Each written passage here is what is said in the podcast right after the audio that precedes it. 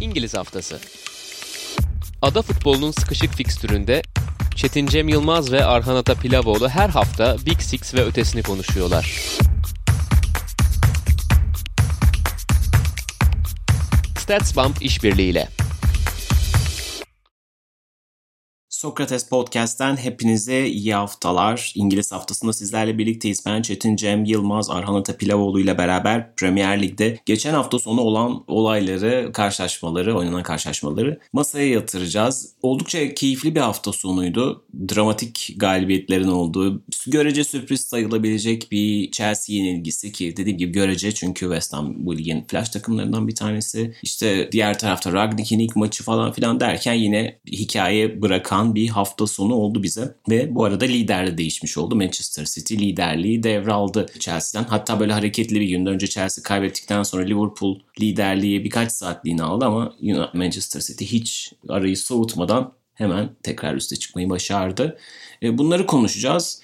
Başlangıcı ama Manchester United'dan yapalım diye düşündük. Ralf Ragnick çok konuşuldu. Biz de geçtiğimiz hafta İngiliz haftasında biraz özel bir bölümle kendisini ve Premier Lig'deki Alman etkisini konuştuk. Eğer dinlemediyseniz bu programdan sonra onu da dinleyin. Ragnick galibiyetle başlamış oldu. Crystal Palace'ı Fred'in güzel golüyle yendi Manchester United ve görece iyi görünen bir fikstürede galibiyetle moralle başlamış oldu. Manchester United'ı nasıl buldun? Ragnick'in tabii ki hani sadece bir iki gün takımın başında kaldı. Böyle dramatik bir etkiden bahsetmek çok kolay değil ama görünen bazı detaylar, farklar var mıydı senin gözüne çarpan? Abi kesinlikle vardı. Onlara geçmeden önce de bu arada hani Twitter'da da sağ olsun Ozan Bey paylaşmış. Buna da teşekkür edelim buradan. Sen söyledin diye aklıma geldi. Son bölümle alakalı.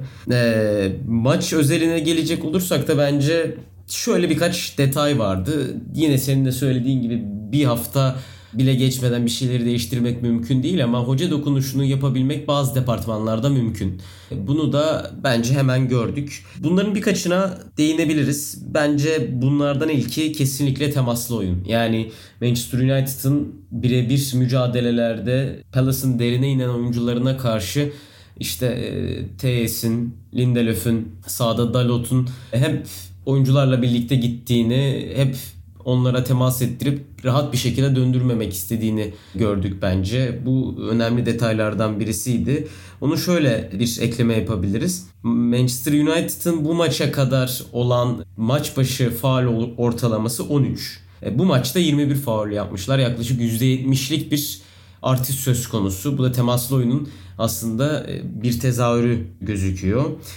Başka gözüme çarpan noktalardan birisi tabii ki Alman okulunun bir getirisi olarak pres e, zaman zaman kaleciye kadar uzanan bir pres hakimdi United'da. Onunla ilgili de StatsBomb'dan aldığım verileri paylaşayım hemen. Baskı aksiyon sayıları sezon ortalamasında bu maça kadar 126 iken bu maçta 150. Aynı zamanda programda sıklıkla kullandığımız PPDA maç başına 10.53 iken bu maçta 5.59.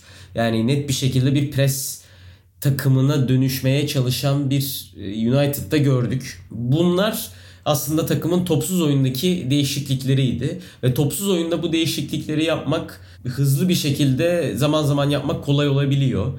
En azından yani sağlıklı bir şekilde olmasa bir maç planı özelinde yapmak kolay olabiliyor ama toplu oyunda e, bu takımın zaman zaman sorunlar yaşadığını biliyoruz. Hatta Ole Gunnar Solskjaer döneminde bir şekilde toplu oyunu çözememesi United'ın en büyük problemiydi. Bence o toplu oyundaki sorunlar yine devam etti. E, nedir o toplu oyundaki sorunlar? Şöyle açabiliriz. Bence ilk olarak göze çarpan detay takımın oldukça fazla uzun top denemesiydi. Ya Bruno Fernandes merkezde işte hani e, Ragnik'in 4-2-2-2'sinin ön ikilisinde merkezden sola deplase oldu. Sola giderek bol bol e, Cristiano Ronaldo ya da Marcus Rashford'ı e, savunma arkasına kaçırmaya çalıştı. Onun da haricinde takımın sıklıkla savunmadan çıkarken uzun top kullandığını gördük. Yine ikinci bölgede de uzun top tercihleri vardı. Onunla ilgili de yine Statsbomb'dan aldığım veriyi paylaşayım. Maç başına bu maça kadar 36 uzun top denemesi var takımın. Crystal Palace maçında 45. Burada da yaklaşık %30'luk bir artıştan söz ediyoruz. Bu bence neyle alakalı? Toplu oyunda istenilen seviyeye gelememekle alakalı. Bir çünkü uzun top vurmak otomatik olarak sizi 3. bölgeye rahatlıkla taşıyor. İşte savunma arkasında koşan hızlı oyuncularınız varsa ki Manchester United'da fazlasıyla var. Cristiano Ronaldo, Marcus Rashford, Jadon Sancho. E tabi or- oralara topu atabilecek orta saha oyuncularınız varsa da sağlıklı bir Pogba, Bruno Fernandes bunu kullanmak zaman zaman maç maç mantıksız olmaktan çıkıyor. Bu maçta da bence fazlasıyla bunu gördük. Özellikle bunun bir sebebi de bence Fred McTominay ikilisinin oyun kurulumunda müthiş mahir ayaklar olmaması bir bakıma da. E, çünkü o ikilinin Ragnik takımlarında biraz daha toplu bir şekilde evet aynı zamanda enerjik aynı zamanda box to box oynayabilecek tabii ki ama yeri geldiğinde de sırtını rakip kaleye döndüğünde farklı şeyler yapabilecek oyuncular olması gerekiyor. Bu da bence biraz takımın farklı gözüken noktalarından bir tanesiydi. Yani o top kazandı Presle United ama top kazandığında çok ne yapacağını bilerek oynayamadı bence. Toplu oyunda da bazı sıkıntılar ön plana çıktı. Zaten Fred'in golü de aslında biraz bireysel becerinin getirdiği bir gol. Mesela Manchester City maçını izlediğimde takımda herkesin nerede nasıl duracağına dair çok net fikirleri var. Zaten bunu her oyuncu söylüyor. Ama United'ı izlerken haliyle burada tabii ki Ragnik'in hiçbir sorumluluğu ya da suçu yok. Yılların getirisi bir durumdan söz ediyorum. Takımda kimin nerede nasıl durduğuna dair çok parlak fikirleri yok gibi. Bunu gördük bence genel olarak. Ama 4-2-2'sini hemen hızlı bir şekilde sahaya sürmüş. Bruno Fernandes, Jadon Sancho, Cristiano Ronaldo, Marcus Rashford, Fred McTominay. E zaman zaman bunların değiştiğini maç içerisinde de gördük. Bence e, kendi dokunuşlarını ilk maç özelinde tıpkı Thomas Tuchel'in Chelsea'ye geldiğinde yaptığı gibi bu kadar kısa süre geçmesine rağmen yapmayı başarmış Ralf Ragnik. Bu yüzdeli değişimler de bence dikkat edilmesi gereken noktalardan bir tanesi. Ama yine tabii ki söylenecek bir şey varsa o da geliştirilmesi gereken e, Manchester United'de çok fazla nokta olduğu. Bakalım bunlara oyuncular, oyuncu grubu nasıl cevap verecek? İlerleyen haftalarda birlikte göreceğiz. Evet birkaç şey benim de gözüme çarpmıştı. Zaten senin de değindiğin noktalardı kısmen ama yeni teknik adamlar geldiğinde ve tabii ki bugünden yarına çok büyük radikal değişimler beklememek lazım ama bazı işaretleri de gösterdi Ragnik'in Manchester United'ı. Yani zaten işte perşembe günü çalışma izni çıktı da hani takımla beraber maksimum iki tane antrenmana çıkabilmiştir. Çok kolay bir şey değil ama sanki yeni teknik adam bir takımla ilk başladığında genelde o ilk 20-25 dakika, 30 dakika biraz o ışıkları görüyoruz. Sonra yavaş yavaş takım geleneksel alışkanlıklarına dönmeye başlıyor açıkçası. Biraz da böyle oldu. Bahsettiğim gibi işte 4-2-2-2 ve işte birinci bölgenin, ikinci bölgenin çok çabuk uzun toplarla geçilmesi biraz Ragnik'in getirmek istediği sistemin ama işaretlerini verdi. Bahsettiğim gibi işte pres, daha fazla yakın oyun, temaslı oyun. Daha sonra United'ın temposu biraz düştü. Fakat yine de 60. dakikadan sonra 60 ve 75'te iki tane değişiklik vardı. O da enteresandı. Özellikle Elanga'nın oyuna girmesi Rashford yerine hani ilginçti. Hani Greenwood'un oyuna girmesi çok büyük bir sürpriz sayılmaz. Çünkü Greenwood bu takımın rotasyonundaki önemli isimlerinden bir tanesi ama hani Elanga'ya böyle bir maçta böyle bir dakikada şans vermesi önemliydi. Hep zaten konuşulan şeylerden bir tanesi. Ragnik'in oyunu fiziksel olarak çok talepkar bir oyun olduğu için genç oyuncuların yeri çok ayrıdır onun. Önem, önemlidir onun oyununda genç oyuncuların yeri. Rashford'u çıkartıp Elanga'yı alması dikkate değerdi.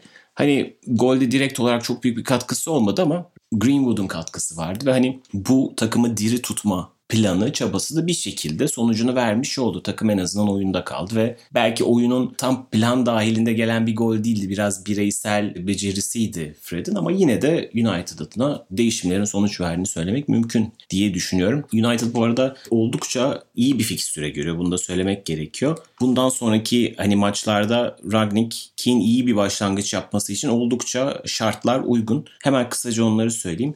Norwich deplasmanı, daha sonra Brentford deplasmanı, Brighton'ı konuk edecek. Tekrar Newcastle'a gidecek. Sonra Burnley ve yeni yılın ilk maçında da Wolves'la oynayacak. Yani bunların deplasmanda olması biraz sıkıntılı olabilir fakat hep ligin alt sıralarındaki takımlar tabii Wolves'u saymıyorum. Wolves ayrı bir şey ama hani o serinin bittiği maç olarak söylüyorum üst üste gelen maç fikstürde. Yani buradan gayet özellikle ilk 5 maçtan 15 puan çıkartabilir. Geçtiğimiz hafta sonu oynadığında katarsak 6 maçta 18 puan çıkartmış olabilir ve Ocak ayındaki mini araya oldukça iyi bir şekilde girebilir. Ragnik'in böyle de bir avantajlı konum var. Hatta bu fikstüre bakınca biraz ben şeyi de düşünmüyor değilim. Manchester United'ın acaba gerçekten planı bu muydu? Hani Solskjaer'i o zor fikstürde kullanıp hani oradan sonra yolları ayırmak. Yeni teknik adam geleceğini belki de düşünüyorlardı da o fikstürü atlatmasını bekle, beklediler demedim değil yani. Ama iyi bir başlangıç. Galibiyet her zaman zaten pozitiftir. Bundan sonra yavaş yavaş parça parça herhalde tuğlaları örmesi kalacak Ragnik'e. Var mı bu maça dair ekleyeceğin başka bir detay aklında? Abi son olarak şunu ekleyebilirim. Kanat oyuncularının daha doğrusu kanat oyuncusu olarak tercih edilen oyuncuların daha fazla içeride konumlandığını görüyoruz Ragnik sisteminde 4-2-2-2'de. Burada da Fernandez ve Jadon Sancho bu kanat oyuncularının yerini dolduruyor. Bence burada ilerleyen haftalarda United'ın biraz daha merkezden gol bulma ihtimalini düşünebiliriz. Zira kazanılan toplarda oyuncular geniş değil. Biraz daha içeride, biraz daha merkezde konumlandığı için beklerin bu temaslı oyundan kazandığı toplarla hızlıca merkeze oynadığı denklemlerde takımın merkezden biraz daha ben delici bir oyun yapısına dönüşebileceğini düşünüyorum ilerleyen haftalarda. Onu da eklemiş olayım. Evet şüphesiz yani hep konuşulan şeylerden bir tanesi işte Ronaldo bu düzende ne yapacak, Fernandez ne yapacak, işte Sancho falan filan. Yetenek burada var fazlasıyla var. Şu anda onları oynatacak bir hoca da var. Yani daha önceki oynatamıyor anlamında değil ama onlardan nasıl verim alacağını alacağını izlemek şüphesiz heyecan verici olacak. United önümüzdeki haftalarda dikkatli izleyeceğimiz takımlardan bir tanesi olacak. Buradan City'ye mi geçelim önce? Yeni lider olarak yoksa çok dramatik bir maç olduğu için West Ham Chelsea maçına mı geçelim? Hadi burada sana bırakayım karar. Hangisini önce konuşalım? Abi bence West Ham'a gidebiliriz. Çünkü gerçekten dediğin gibi dramatik bir maçtı. Evet o zaman oradan gidelim. Chelsea'nin ya son haftalarda Chelsea'nin biraz puan kayıpları olmaya başladı ve West Ham hiçbir zaman çok kolay bir takım değil. Liverpool da orada kaybetti. Manchester City kupa da onlara elendi. Yani West Ham'ın zaten şu anda ligin dördüncüsü olması zaten her şeyi açıklıyor. Bunun tesadüf olmadığını Avrupa Ligi'nde de yollarına devam ettiklerinde düşününce gerçekten bu sezonun son iki sezonun hatta en takdire şayan takımlarından bir tanesi West Ham. Yine de Avrupa şampiyonu olan bir takımın böyle öne geçtiği bir maçı iki kez öne geçtiği bir maçı kaybetmesi biraz da şaşırtıcı oldu. Bir de ilginç koşullarda biraz enteresan gollerle diyebiliriz. Kaybetmesi ilginç oldu. Nasıl buldun bu maçı diyeyim? Hem Chelsea hem de West Ham açısından konuşalım istersen. Abi West Ham'a şapka çıkartacağımız bir maç. Neden diyeceksin? Zaten hani senin de bahsettiğin bir şey. İki kere geri düşüp kazanmak hiç kolay değil. Çünkü Chelsea zaten kolay gol yiyen bir takım değil. Şu ana kadar sadece 9 gol yediler. Bu maç 3 gol yediklerinde varsayarsak o maça kadar 6 gol yemiş bir takımdan söz ediyoruz. Ligin açık ara en az gol yiyen takımı. Onun da ötesinde kolay da gol bulabilen bir takım. Yani 35 gol attılar. Ligin en çok gol atan ikinci takımı ve Liverpool'dan yani Liverpool'un zaman zaman gümbür gümbür gelerek gol attığını biliyoruz. United maçı buna bir örnek. E City'nin çok çabalayarak gol attığını biliyoruz ama Chelsea'nin çok da çabaladığını göstermeden gol attığı çok maç hatırlıyorum bu sezon. Bunlara rağmen iki kez geri düşüp kazanmak çok çok değerli. Maçın içine biraz girecek olursak da mesela buna benzer e, şunu söyleyebilirim yine. Gole kadar yani ilk yarım saate kadar 28-30 civarı gelmişti diye hatırlıyorum gol. E, Thiago Silva'nın golüne kadar West Ham zaten çok iyi savunma yaptı. Ya Chelsea hiç alan vermedi. Yeri geldi kaleciye kadar bastı. Bastığı zamanlarda Mendy'nin ayakları sıkıntı yaptı. Mendy'nin ayaklarından ziyade e, Ben Chilwell'in yokluğu, orada Marcos Alonso'nun oyuna kurulum açısından çok fazla katkı veremeyişi Chelsea'nin sıkıntı yaşadığı noktalardan biriydi. O yüzden bence maç özelinde Ben Chilwell'i çok aradılar. Bunu Watford maçında da e, görmüştük. Oyun kurulumunda Chelsea'nin zaman zaman zorlandığını, iyi bir basan takıma karşı çaresiz kalabileceklerini keza yine Manchester United maçının ilk yarısı da buna bir örnek. O maçta da kötülerdi ilk yarıda. Bunları gördük. West Ham da bunu iyi bir şekilde yaptı. Bence Chelsea'nin ilerleyen haftalarda sıkıntısını çekeceği isim Ben Chilwell olacak. Marcos Alonso da oyuna çok farklı şeyler katabiliyor evet ama Chilwell'in gösterdiklerinden sonra bu konuda biraz bu departmanda işler sıkıntıya girebilir. Rüdiger'den ekstra bir oyun almak zorunda kalabilir ilerleyen haftalarda ya da işte o savunma hattından birisinin farklı bir şekilde çıkması gerekiyor. Ben Aspilicueta'nın da tekrardan 11'e döneceğini düşünüyorum o açıdan. E dediğim gibi o maçın ilk yarım saatlik bölümünde West Ham çok iyi savunma yaptı. Savunma yapmalarına rağmen golü yediler. Golü yedikten sonra biraz sendelediler ama o 5 dakikalık periyotta çok iyi baskıyla topu kazanıp penaltı ardından bir daha geri düştüler ve soyunma odasına geri şekilde düştüler. Burada ben Chelsea'nin yine eksik kaldığı bir departmanı söylemek isterim. Bence toplu oyunla %70'lere varan şekilde toplu oyunda Chelsea Manchester City kadar bunu yapmak istemiyor. Statik kalmak Chelsea'nin istediği bir şey değil. Biraz daha fazla tempo, biraz daha fazla geçiş oyunu, biraz daha topun ortada döndüğü sekanslar Chelsea'nin bence biraz daha işine geliyor. Bu hemen bana Southampton maçını hatırlattı. Orada da ikinci yarıda maçı açmakta biraz zorlanmışlardı. Bu kadar fazla sıkıntı çekmemişlerdi. Ama ikinci yarıda ne zaman Ross Barkley girdi, merkezden topu hızlıca çevirebilen bir oyuncu Ross Barkley. Sağdan sola ya da soldan sağa. Ne zaman o girdi, ne zaman hatlar arasına Mason Mount gibi koşu atabilen oyuncu girdi, Chelsea'nin oyunu değişmişti. Burada da bence ilk yarı özelinde %70'lere varan toplu oynama oranları vardı. Buralarda Chelsea üretmekte zorlandı. Evet bir şekilde gol atabilen bir takım Chelsea ama Manchester City kadar gol beklentisi akan oyunda üretebilen bir takım değil bence. Lukaku'nun olmadığı denklemde özellikle. Bu Chelsea'nin yaşadığı sıkıntılardan biriydi ki zaten attıkları ikinci gol geçişten geldi. Müthiş bir Hakim Ziyeh pasıyla. Günün sonunda Son olarak da şunu söyleyebilirim. West Ham'ın değişen oyun yapısına ek olarak bu sene biraz daha fazla topa sahip olmaktan çekinmeyen, biraz daha 3. bölgede oynamaktan çekinmeyen bir takım. Ama bu takımın alameti farikası mükemmel bir şekilde geçiş oynamaları. Şunu da söyleyebilirim. Bu geçişin oynanmasında en önemli kişi bence Antonio. İkinci yarıda da gördük. O Antonio'nun orada o bağlantıları sağlığa Mas'ı West Ham'a öyle inanılmaz katkılar veriyor ki orada bir şekilde o pası attığında 3. bölgeye takım topu taşıyor ve 3. bölgede işte Jared Bowen'la yeri geldiğinde Manuel Lanzini ile Pablo Fornals ile Sait Ben Rahma ile çok farklı şekilde bu geçişi oynayabiliyorlar. Zaten mesela düşününce de Premier Lig'de West Ham'ın oyuncuları en hızlı oyuncular mı, en atletik oyuncular mı, en bitirici oyuncular mı? Hayır. İşte Leicester'da Harvey Barnes var. E, aklıma gelen, geçiş iyi oynayabilen. Adamela Lukman var. Ama mesela bu bağlantıları Antonio o kadar iyi sağlıyor ki top 3. bölgeye bir şekilde geçiyor ve West Ham bu geçişleri mükemmel bir şekilde oynayabiliyor. Burada Antonio'nun da payını vermek gerekiyor. Toplayacak olursam da Chelsea'nin birkaç haftadır devam eden sorunları bence burada iyice ayyuka çıktı topa çok fazla sahip olduğunda üretimin e, zaman zaman kısıtlı kalması, geçiş çok iyi oynamaları ama toplu oyunda Lukaku'nun eksiğini çekmeleri, Ben Chilwell'in şu an için eksiğini çekmeleri. Bakalım ilerleyen haftalarda nasıl devam edecek bu durum. Leeds Everton'la oynuyorlar. Wolverhampton'a gidiyorlar sonrasında. Yani yine görece kolay bir fikstür. Eğer Lukaku doğru bir şekilde dönebilirse, sağlıklı bir şekilde dönebilirse yine toparlamaya başlarlar. Ama o takımın müthiş bir şekilde inmelendiği oyun biraz daha normalize olmaya başladı sanki. Evet bir sondan alayım. Antonio'ya dikkat çekmen çok iyiydi. Çünkü Antonio sezona çok iyi başladı. Gol sayıları anlamında. Ve biraz da hani hepimizde de var bu işte fantasy futbol oynayanlarda gol odaklı bakma olayı.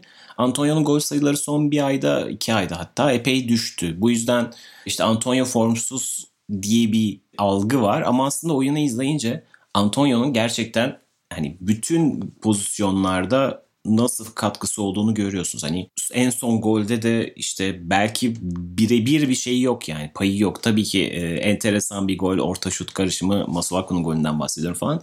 Ama Antonio orada. Çünkü savunmanın dengesini o ağırlık merkezini kaydıran adamı. Jared Bowen'ın golünde de top sağdayken Antonio'nun orada duruşu, savunmayı meşgul edişi her zaman sorun yaratıyor. Yani bu her zaman işte gol, asist sayılarıyla ölçülmeyecek de bir katkı yapıyor ve dediğin gibi işte geçiş oyununu bu kadar iyi oynayan bir takımda çok kritik o santrforun duracağı yer, koştuğu yer, onun meşgul ettiği birkaç oyuncu hatta belki bir oyuncu marke ediyor ama bütün hani denge o tarafa bir kere kaymış oluyor.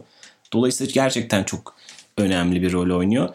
Ve maç boyunca da oldukça ilginç değişikliklerle yaptılar. Hani dörtlü de oynadılar dönem dönem. Tekrar üçlüye geçtiler. Declan Rice maçın en sonunda tekrar üçlüye geçti ve bu sefer savunmanın sağına kaydı falan filan. Takımıyla müthiş oynuyor artık David Moyes. Gerçekten olağanüstü bir hakimiyet kurmuş durumda. Ve hani Avrupa'da da bu sene ilginç bir ilerleme de yaşayabilirler. Çok kişinin gözü tabii ki Şampiyonlar Ligi'nde yoluna devam eden o 4 takımda. Fakat West Ham Avrupa Ligi'nde oldukça başarılı ve yolu da uzun olabilir. İlginç bir hikayeyi ligde yazıyorlar. Bir de Avrupa Ligi'nde de yazabilirler gibi görünüyor. Chelsea için de dediklerine çok fazla ek yapmayacağım. Çok doğru noktalar hepsi. Bir yandan çok fazla parça değişti bu takımda. Onun hakkını vermek gerekiyor. İşte Lukaku ile Werner aynı anda sakatlandı. Havertz'ten bir sahte 9 devşirilmeye çalışıldı Havertz şimdi bu haftada tekrar sakatlıktan dolayı yerini Lukaku'ya bıraktı. Ama tabii bu kadar zengin bir kadro söz konusuyken çok fazla eksiklerden konuşmak doğru olmayabilir ama oyun alışkanlığıdır sonuçta.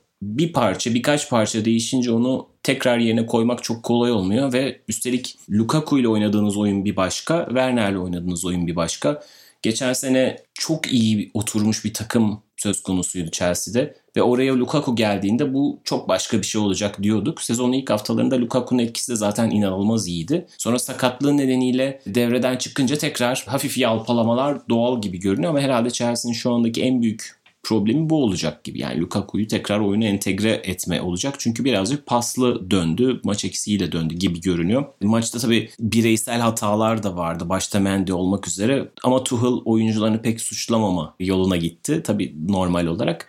Fakat detaylarda pek iyi değiliz demiş ve her maçta çok büyük hatalar yaptık. Manchester United maçında kastediyor ve Watford ve Burnley maçlarında yedikleri golleri de söylüyor. Ve bu maçta da öyle diyor ve bunlar olunca kazanmanız mümkün olmuyor diyor. Son 4 haftada 3. kez puan kaybetmiş oldu tabii Chelsea. Chelsea gibi hani ritmini de bulmuşken liginde zirvesinde yer alan bir takım için kötü. Diğer taraftan Manchester City de ritmini bulmuş durumda ve galibiyet serisini sürdürdü. City'ye buradan geçelim istersen. City'de Watford'ı net bir skorla yendi. Senin hep söylediğin bir şey vardı. City maçları biraz kendini ilk 15-20 dakikada belli eder. City eğer o kilidi açabiliyorsa çok rahat geçiyor maçlar ama eğer 20-25 dakikada gol gelmiyorsa o gün City adına sıkıntılı geçiyor diye. Bu ilk gruba giren maçlardan bir tanesi oldu diyebiliriz tabii değil mi? Abi kesinlikle öyle. Yani çok katılıyorum dediğine. Watford'un pek istediği gibi geçmedi maç. Bunda Manchester City'nin payı kadar bence Watford'un da payı var. Çünkü City'nin hareketlerine, City'nin topsuz koşularına, toplu koşularına hiç cevap veremedi takım. Çok basit kateme hataları gördük e, maçta. Yani takımın hızına yetişilemedi ve öyle City'de 7. viteste oynamadı maçı. Böyle bir anda vites yükseltti ve iki gol geldi. Bernardo Silva'nın 3. golü çok şapkadan çıkan tavşan. E, kabul ediyoruz onu ama o, o ilk iki golde özellikle ilk golde işte Ketkart'ın derine indiğinde kimi kovalıyordu tam hatırlamıyorum ama Ekong ve Kiko Feminya'nın aldığı pozisyonlar e, çok çok yani City'nin bayram edeceği pozisyonlar. O, o tarz bir şekilde City zaten geliyorsa o golü atmama ihtimali yok. Bundan zaten bir 10 dakika sonra Grealish çok benzer bir pozisyona girdi. Yine soldan başlayıp sağa geç pardon sağdan başlayıp sola geçen ve tekrar merkezde biten atakta. Onu değerlendiremedi. Belki o golle tanışacaktı uzun zaman sonra. Watford'un savunma hataları da Manchester City'nin oyununa gerçekten yağ sürdü. Sanki içeride o Norwich maçına benzer bir görüntü vardı City özelinde. Bir de şunu söyleyebilirim. Manchester United maçında söylediğim o City izlerken takımın nerede nasıl duracağına dair çok rahat bir fikir e, edinebiliyoruz diye. United hatlar arası mesela çok açıktı Crystal Palace maçında. City'de ama kesinlikle öyle değil. Yani savunma hattı ile orta saha, orta saha ile hücum hattı arası o kadar birbirine yakın ki sanki takım bu 3 hat arasında bir birbirine halatla bağlanmış şekilde oynuyor ve bu mesafe 25-30'dan öteye ilerlemiyor gibi. Yani bu United'ın e, sıkıntı yaşadığı noktalardan biriydi bence uzun vurmalarında e, temel noktalardan birisi de buydu. Çok derine indiğinde hücum oyuncuları 3. bölgede çünkü etkin olamıyorlar. E, City bunu gerçekten çok iyi yapıyor Watford maçında da bunu gördük. Hatlar arası çok dardı. Seti çok iyi oynadılar. Seti çok iyi oynadıkları kadar bence geçişte de yine mükemmellerdi. Ama bunda genel olarak Watford'un yardımcı olduğunu söyleyebilirim. Stop abi sana bırakmadan da son olarak şunu söyleyeceğim.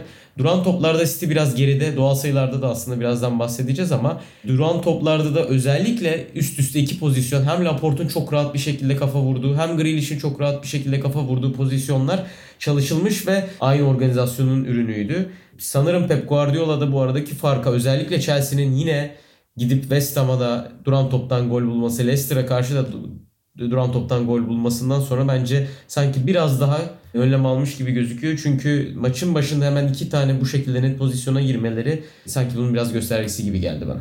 Aslında çok ben burada sözü uzatmadan sana bir soru daha soracağım. Şimdi Manchester City son yıllarda yani Guardiola döneminde hep farklı dönemlerde farklı yıldızlar çıkartıyor. Kevin De Bruyne tabii ki hani hepimizin malumu. Raheem Sterling'in sırtladığı dönemler oluyor. Mahrez'in sırtladığı dönemler oluyor. Geçen sezon İlkay Gündoğan'ın çok iyi bir çıkışını hatırlıyoruz. Bu sene de son haftalarda gol yükünü Bernardo Silva çekiyor. Bernardo Silva'nın sırrını soracağım sana. Son 5 haftada 5 gol boş geçmiyor başladı. İlk sezonunda çok başarılıydı. Hatta ilk iki sezonda çok başarılıydı. Sonra hafif bir kaybolmuştu. Sanki yerinde kaybetti aslında. Rotasyon oyuncusuna dönmüştü. Tekrar bu takımın en vazgeçilmez isimlerinden bir tanesi haline geldi. Bu sezonu Bernardo Silva için sence farkı farkı yaratan şey ne, ne diyebilirim? Ee, soruyu bir türlü toparlayamadım ama Bernardo Silva bu sezon ki sırrını sorayım sana. Abi Bernardo Silva'nın bu sezonki sırrı bence biraz ayrılma telaşı da etkisi olduğunu düşünüyorum. Sağ içi olayların ötesinde. 17-18'de inanılmaz performans göstermişti. 18-19'da onun da üstüne çıkmıştı. E, geçen sezon net bir şekilde bir düşüşü vardı. 19-20'de de gayet iyiydi. Aslında son 5 sezonun 4'ünde zaten standartların üstünde performans gösteriyor. Belki geçen sene biraz düşmüştü. Ama yani bu sezon Manchester City'de Pep Guardiola'nın Sterling'in de performansını yükseltmesi. Bence Grealish'in de biraz ilerleyen haftalarda performansını yükselteceğini düşünüyorum ben. Her zaman yaptığı bir şey var. Oyunculara e, formayı çok kolay bir şekilde vermeyip onların hak ettiği kanaatini onlara yerleştirdikten sonra oyuncuların performansını yükselten bir yapı kurdu neredeyse Pep Guardiola. İşte Sterling'in de 2 e, senedir 3 senedir Barcelona'ya gideceği konuşuluyor. Bu sezon iyiden iyiye Barcelona dedikoduları çıktı. Ve şu an görüyoruz Sterling e, tekrardan forma geldi. Bernardo Silva Grealish geldikten sonra gitmesi en büyük adaydı. Cristiano Ronaldo dedikoduları çıkana kadar City'nin en büyük gündemi oydu. Kesin gidecek kesin gidecek dendi. Yine kaldı takımda bambaşka bir boyuta geldi. Bunların ben biraz etkili olduğunu düşünüyorum açıkçası. Yani Pep Guardiola'nın her oyuncudan vazgeçebilir. Bir şekilde ikame edebilir onları. Ama bu vazgeçebilme tonunu vermesi oyunculara bence çoğu oyuncuda negatif gibi gözükse de pozitif yansıyor diye düşünüyorum ben. Yani e, oyuncular özellikle işte genç oyuncuların duygusal olduğu söyleniyor. Foden'ın da gideceği söylendi mesela ama yine Foden da performans yükseltti. Sanki o kısa vadede oyuncular ya ben artık gitmek istiyorum daha fazla forma şansı bulabileceğim bir yere gitmek istiyorum diye düşünüyorlar ama orta vadede performanslarının da yükseldiğini görünce kesinlikle aslında onun Guardiola'nın bir iletişim yöntemi olduklarını fark ediyorlar bence. Çünkü istisna seven her oyuncu da oldu bu Manchester City'de. E, Jesus da oldu gidecek dedi işte sene başında çok iyi performans gösterdi. Foden yine sene sonunda geçen seneyle birlikte sözleşme uzatmayacak gidecek dendi. Çok iyi başladı sezona. Sterling kötü başladı şimdi iyi gidiyor. Bernardo Silva yine Foden gibi söyleyebilirim bunu. Bu bence biraz Guardiola'nın denediği bir şey. Onun haricinde de İlkay'ın sakatlığıyla birlikte bence Grealish'le çok iyi bir bağ kurmuşlardı. O Solic'te e, çok özel performanslar gö- gösterdi. Solic'te gösterdiği performanslarla birlikte formu yükselince inanılmaz versatil bir oyuncu olmasının katkısını da aldı. Yani sağ önde oynuyor, sağ içte oynuyor, sol içte oynuyor, sol önde oynuyor, sahte 9'da oynuyor. Bu City'de evet pek çok oyuncu da var gibi ama en net belirgin şekilde Bernardo'da var bu kadar rotasyonlu, bu kadar ana bir forvetin olmadığı denklemde de Bernardo'nun bu şekilde gezmesi ve hepsinde performans göstermesi de e, bence yükselten unsurlardan birisi oldu. O sol içte Grealish ile kurduğu bağlantı, Cancelo ile kurduğu bağlantı formunu yükseltti. Bu form yükselmesiyle birlikte de Pep Guardiola ondan vazgeçemedi. Vazgeçemedikçe farklı yerlerde oynattı ve işte inanılmaz bir oyun ortaya çıktı diyebilirim. Evet gerçekten Guardiola'nın sisteminde anlayışında çok fazla yer var böyle oyunculara. Özellikle Manchester City'de daha çok gördük bunu işte dönem dönem Phil Foden'ın İlkay'ın, Bernardo Silva'nın herhalde tam olarak Jack Grealish alırken de niyeti buydu aslında ama tam olarak onu göremedik henüz ama farklı yerlerde, farklı pozisyonlarda, sağda solda ortada oynatabilme olayını çok seviyor ve gerçekten dönem dönem bu yüzden farklı kahramanlar çıkarabiliyor takımları. Bu senenin de hikayesi Bernardo Silva oluyor. En azından şimdilik zaman içerisinde dediğin gibi e, Raheem Sterling de oldukça uzun bir süre forma şansı da bulamamıştı. Geçen sezonu çok kötü bitirmişti. Sezonun son 3 ayında falan gol atamamıştı falan. Öyle bir seri hatırlıyorum yani şimdi tam sayıları hatırlamıyorum. Ve şu anda tekrar o da devreye girmiş durumda. Bunu hatta Jesus için konuşmuştuk. Santrfor olmasına rağmen sahada oynaması üzerinden. Bu değişimlerden her zaman verim alıyor ve işte oyuncular bu şekilde tırnak içinde yeniden doğuyor. Tabii ki hani çok çökmeden bahsedemeyiz Bernardo Silva örneğinde ama oyuncular kendilerini yeniden keşfedebiliyorlar Guardiola yönetiminde. Doğal sayılar. Hemen doğal sayılarda StatsBomb'dan aldığım veriyi paylaşayım. Biraz duran top özelinde konuşmuştum zaten. Laporte ve Grealish'in girdiği pozisyonlar. Şöyle bir şey paylaşayım. Manchester City'nin sene başından beri bir gol sıkıntısı çekebileceğini ve bence rakiplerine kıyasla çektiğini biliyoruz. Toplamda 32 gole ulaştılar. Liverpool'un 44 golü var. Chelsea'nin 35 golü var. Çok fazla gol beklentisi üretiyorlar. Çok fazla pozisyona giriyorlar. Ama bunu tamamlama konusunda bir forvetin eksikliğini de çektikleri aşikar. Bu yüzden duran toplar bence oyunda gerçekten çok önemli bir yere sahip oluyor. Chelsea duran toplardan çok fazla gol buluyor. 7 gol buldular. E, Liverpool 9 gol buldu. Manchester City'nin ise şu ana kadar bulduğu gol sayısı 2. Aslında Manchester City kötü bir duran top takımı değil her ne kadar boyu kısa olsa da organizasyonlarıyla birlikte çok fazla duran top kullanması kullanmalarıyla birlikte geçen senelerde ligin en iyi ilk 10 takımı arasında bazen ilk 3 takımı arasında yer almayı başarmışlardı. Ama bu sezon özelinde Liverpool'da Chelsea farkı çok hızlı bir şekilde açtı ve bu atılan duran top golleri rakiplerin puan alacak noktaya gelmelerine çok katkıda bulunuyor. Leicester maçını Chelsea böyle açtı. West Ham maçını böyle açtı. İyi bir savunma örneği gösterebilselerdi belki oradan da 3 puanla ayrılacaklardı ve liderliği bırakmayacaklardı. Manchester City'nin tekrardan o eski formuna, duran toplardaki eski formuna e, dönmesi gerektiğini düşünüyorum ben. Çünkü zaten kolay gol atabilen bir takım değiller. Evet son United maçıyla Palace mağlubiyetinden sonra müthiş bir ivme yakaladılar. Gayet iyi gidiyorlar. Ama ne olursa olsun yine United maçından önceki süreçte olduğu gibi Palace maçında yaşadıkları gibi işte Southampton maçında yaşadıkları gibi sekanslar yaşayabilirler ilerleyen haftalarda. Lig çok uzun bir maraton çünkü. Oralarda bunları yaşamamak için duran toptan da bazı şeylerin artık açılması gerekiyor. Tıpkı Chelsea, tıpkı Liverpool gibi e, bir sıfırı rahat bir şekilde bulup hani senin de bahsettiğin gibi abi örnekte verdiğin gibi o ilk 15 dakikada bulunacak bir duran topla oyunu tamamen açıp rahat bir şekilde City'nin de ilerleyen haftalarda oynaması gerekiyor bence. Programın sonlarına doğru bir de Liverpool'u da konuşalım. Liverpool sezonun son haftalarındaki formda takımlarından Wolverhampton'ı son dakikada yendi ve bu dakikaların, bu gollerin oyuncusu Divock Origi'nin golüyle yendi. E, maçın tamamında aslında Liverpool'un oldukça yeteri kadar fırsatı vardı. Çok yüksek tempolu bir maç değildi ama Liverpool o fırsatları üretti bir şekilde. Yani Wolverhampton'ı ta Nuno Santo döneminden beri biliyoruz aslında. Hani ligin en sıkı takımlarından oynaması zor takımlarından bir tanesi. Molino da en takımların gitmek istemediği yerlerden bir tanesi. Bu geleneği oturtmuş durumda Wolverhampton geçtiğimiz 3 sezon içerisinde. Bu sezon biraz daha da sıkılar ve ligin en az gol yiyen takımlarından bir tanesi haline geldiler. Go az da gol atıyorlar ama bir şekilde zor yeniliyorlar. Liverpool adına zor bir deplasman olacak gibiydi. Şampiyonlar Ligi'nde işlemi tamamladığı için e, rotasyon yapmadı Jurgen Klopp. Hani hafta içerisinde Everton maçından sonra rotasyon bekleyenler de vardı. Fakat yine ideal şu şartlardaki ideal 11 ile sahadaydı. Yani oyun o dakikaya kadar gelmeyebilirdi çünkü çok net bir iki pozisyon vardı kaçan özellikle Jota'nın hani böyle boş kale diyebileceğimiz gerçi hani iki tane savunma oyuncusunun kapattığı ama kalecinin olmadığı bir pozisyon vardı. Onu atamaması maçı epey zora soktu. Mane'nin kaçırdığı pozisyonlar vardı. Salah'ın vardı ama olay 94. dakikaya kadar geldi ve Origi golü yaptı. Yani Origi'nin golü kadar aslında Salah'ın da inanılmaz iyi bir tek kontrolü ve rakibini ekarte edişi var. Çok akıllıca bir tek dokunuşla topu taşıyor ve çok değerli bir asist yapıyor. Yazılanlara göre Origi oyuna girerken Klopp ona hani gir ve Origi'liğini yap demiş ve gerçekten de onu yaptı. Futbol tarihinde futbol kültürümü epey zorluyorum. Origi kadar her attığı gol bu kadar ikonik olan başka oyuncu var mı? Hatırlamakta güçlük çekiyorum. Yani hani böyle one hit wonder dediğimiz böyle tek şarkılık gruplar vardır. Onlardan değil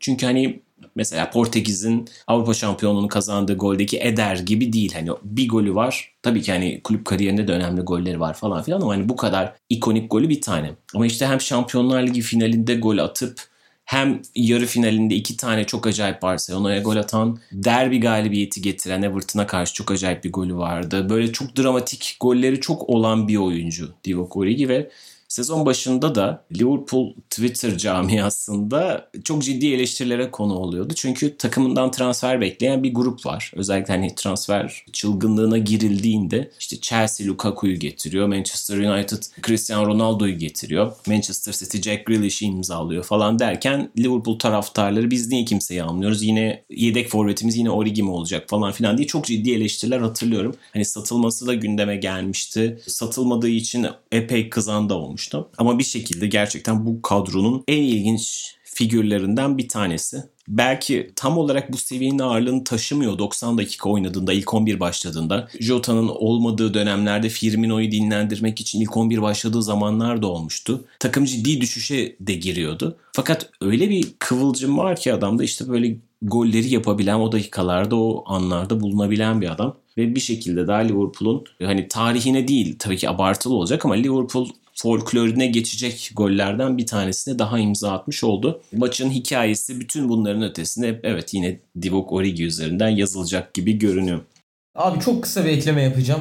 Maç özelinde dediklerine %100 katılarak Origi başka bir seviyeye taşıdı artık bu kahramanlık hikayesini. Ama sadece Origi özelinde değil bence Liverpool'un da e, ben bunu bir dönem evet şansa e, bağlıyordum ama bu kadar fazla istikrar şanslı olabilecek bir şey değil.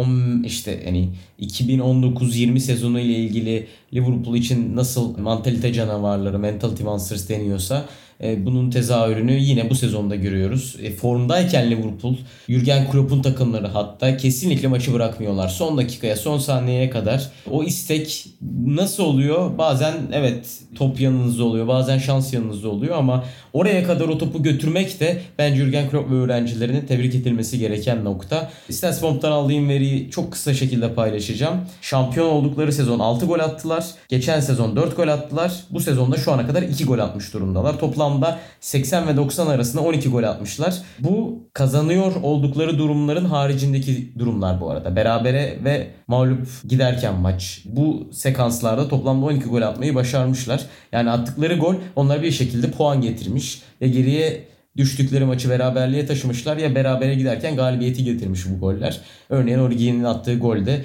e, bu kümeye dahil oluyor.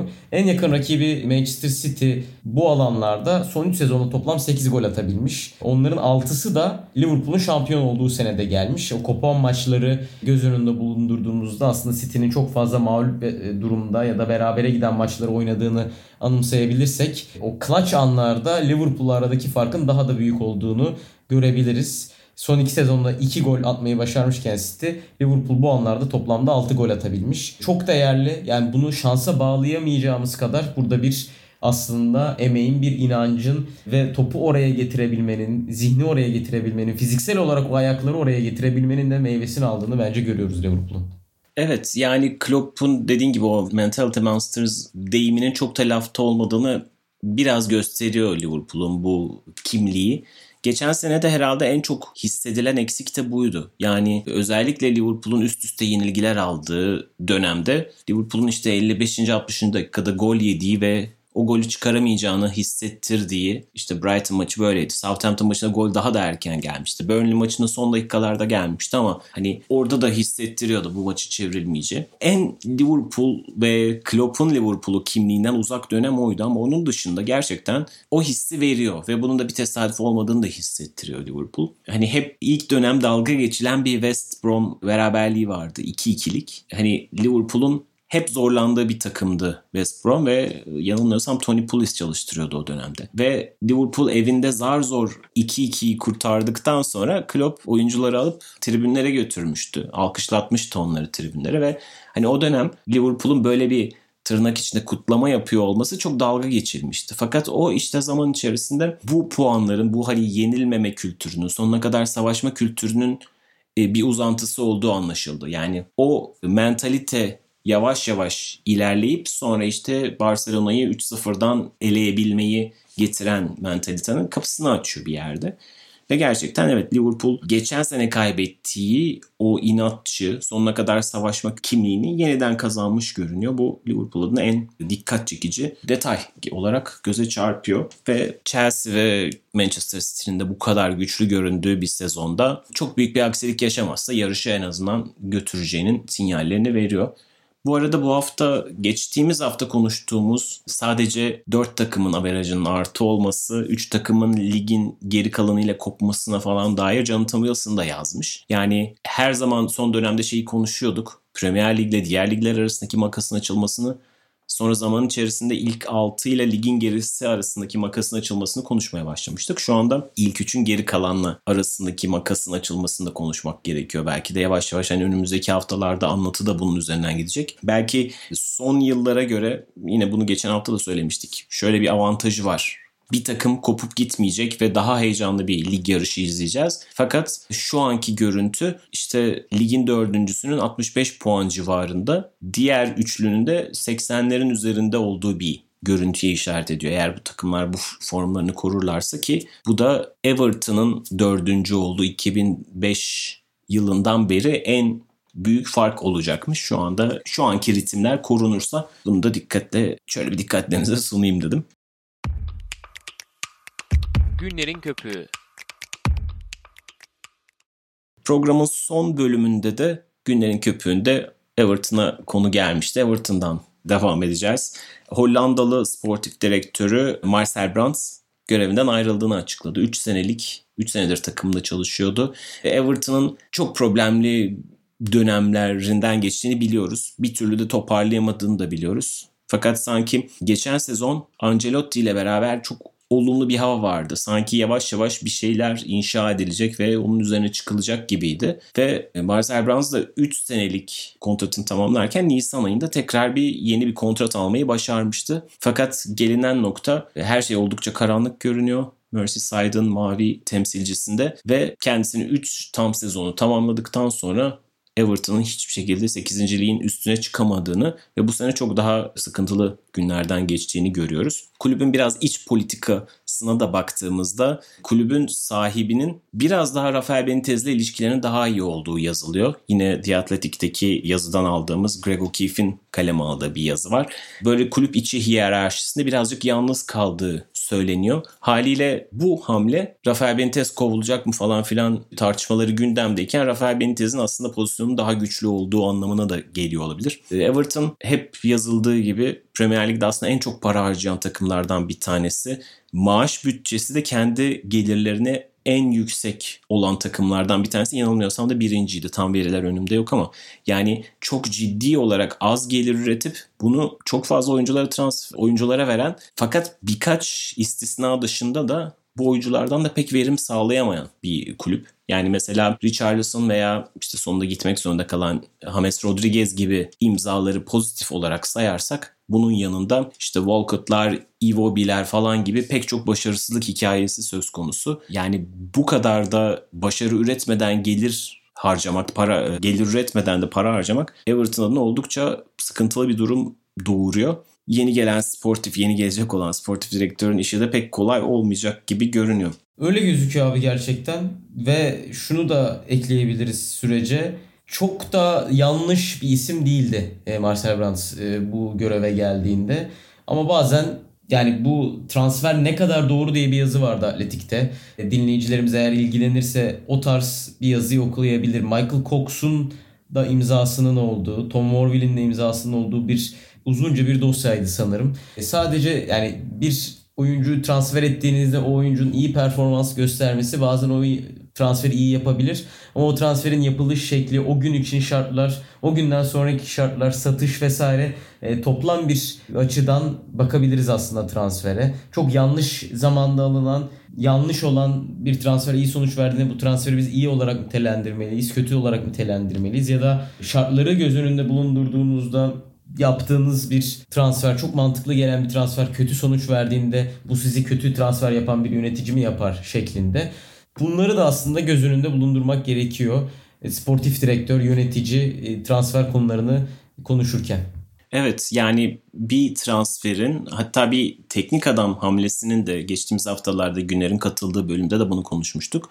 Yani doğrusunu yanlışını konuşurken biraz daha uzun vadeli düşünmek ya da şartlara da bakmak gerekiyor. Tabii her teknik adam her şartlarda başarılı olamıyor. Yani Marco Silva Everton'da çok başarısız bir dönem geçirdi ama onun kötü bir teknik adam olduğu anlamına gelmiyor. Ancelotti Avrupa'nın en başarılarından bir tanesi. Yani kayda değer bir başarı sağlayamadı ama başarısız da değildi. Belki zaman ne olsa ya da kalmayı tercih etse başarılı olabilirdi ama olmadı. Şimdi Rafael Benitez için de aynı şeyler geçerli. Yine Avrupa'da özellikle bir dönemin bir önceki 10 yılın en başarılı hocalarından bir tanesiydi. 2000'lerin diyelim. 2010'larda da biraz daha farklı hikayeleri oldu ama şimdi Rafael Benitez Everton'da oldukça başarısız bir süreçten geçiyor. Fakat yönetim onunla devam edecek herhalde. Yani bütün bu hikayelerin içerisinde pek çok değişken var. Elindeki kadrolar var, işte yapı var, neleri yapmasına izin verilip verilmediği var. Sportif direktör için de bu geçerli. Ee, işte söylenene göre Rafael Benitez'in gelmesine epey karşıymış ama yönetimle bu anlamda sürtüşmüş falan. Bir sportif direktörün de tam olarak futbol direktörünün diyelim hani neleri yapıp yapmayacağını karar verme etkisinin olmaması haliyle elini kolunu bağlayan bir durum. Dediğin gibi belki kağıt üzerinde kötü bir hamle değildi Marcel Brands. Çünkü Hollanda'da çok başarılı işleri vardı. Alkmaar'da Louis van Gaal ile beraber tarihlerinin ikinci şampiyonluğunu yaşamıştı. PSV Eindhoven'la beraber oldukça uzun ve başarılı bir dönemi olmuştu. Tabii ki Premier Lig bambaşka bir canavar. Yani Premier Lig'de çok fazla rakibiniz var ve yani bunu Arsenal'dan da görüyoruz, Tottenham'dan da görüyoruz. O hani döngünün birazcık dışında kaldınız mı geri girmeniz çok zor oluyor. O kimliği oturtmanız gerekiyor. Everton bunu 2000'lerin başında yine David Moyes'la beraber yapmıştı. İyi bir kimlikleri vardı. En azından istikrarlı olarak kendilerini ilk dörde yanaştırıyorlardı. Hatta dördüncü sırayı aldıkları yıllar da olmuştu. Yani böyle şeyler zaman istiyor. Birazcık transfer anlamında şans istiyor. Çünkü bazı oyuncuları katabilmek için şanslı olmanız gerekiyor. Çünkü ilk 6 takım sizden zaten çok daha albenili. Avrupa'da oynama avantajları var zaten. Daha zenginler falan filan. İşte James Rodriguez gibi bir oyuncuyu tırnak içinde düşürmek çok kolay olmuyor her zaman. Rodriguez ve Ancelotti'yi de yakaladığınızda onda çok başarıyı kısa sürede yakalamanız gerekiyor. Yoksa o pencere kapanmış olabiliyor. Everton adına bu yüzden hani bir döngü sanki kaybolmuş gibi şu anda tekrar hani ligde kalma en azından orta sıralarda tutunma falan filan mücadelesi için. Ligde kalma derken düşmekten bahsetmiyorum. Hani ligdeki statüsünü koruma en azından ligin saygıdeğer orta sıra takımlarından bir tanesi olarak kalma ilk öncelik olacak gibi görünüyor ama tabii sportif direktör anlamında yeniden bir yapılanma da söz konusu olacak gibi görünüyor. Ve böylece bu bölümün de sonuna geldik İngiliz haftasında. Dinlediğiniz için çok teşekkürler. Haftaya tekrar buralarda olacağız. Görüşmek üzere, hoşçakalın. Hoşçakalın.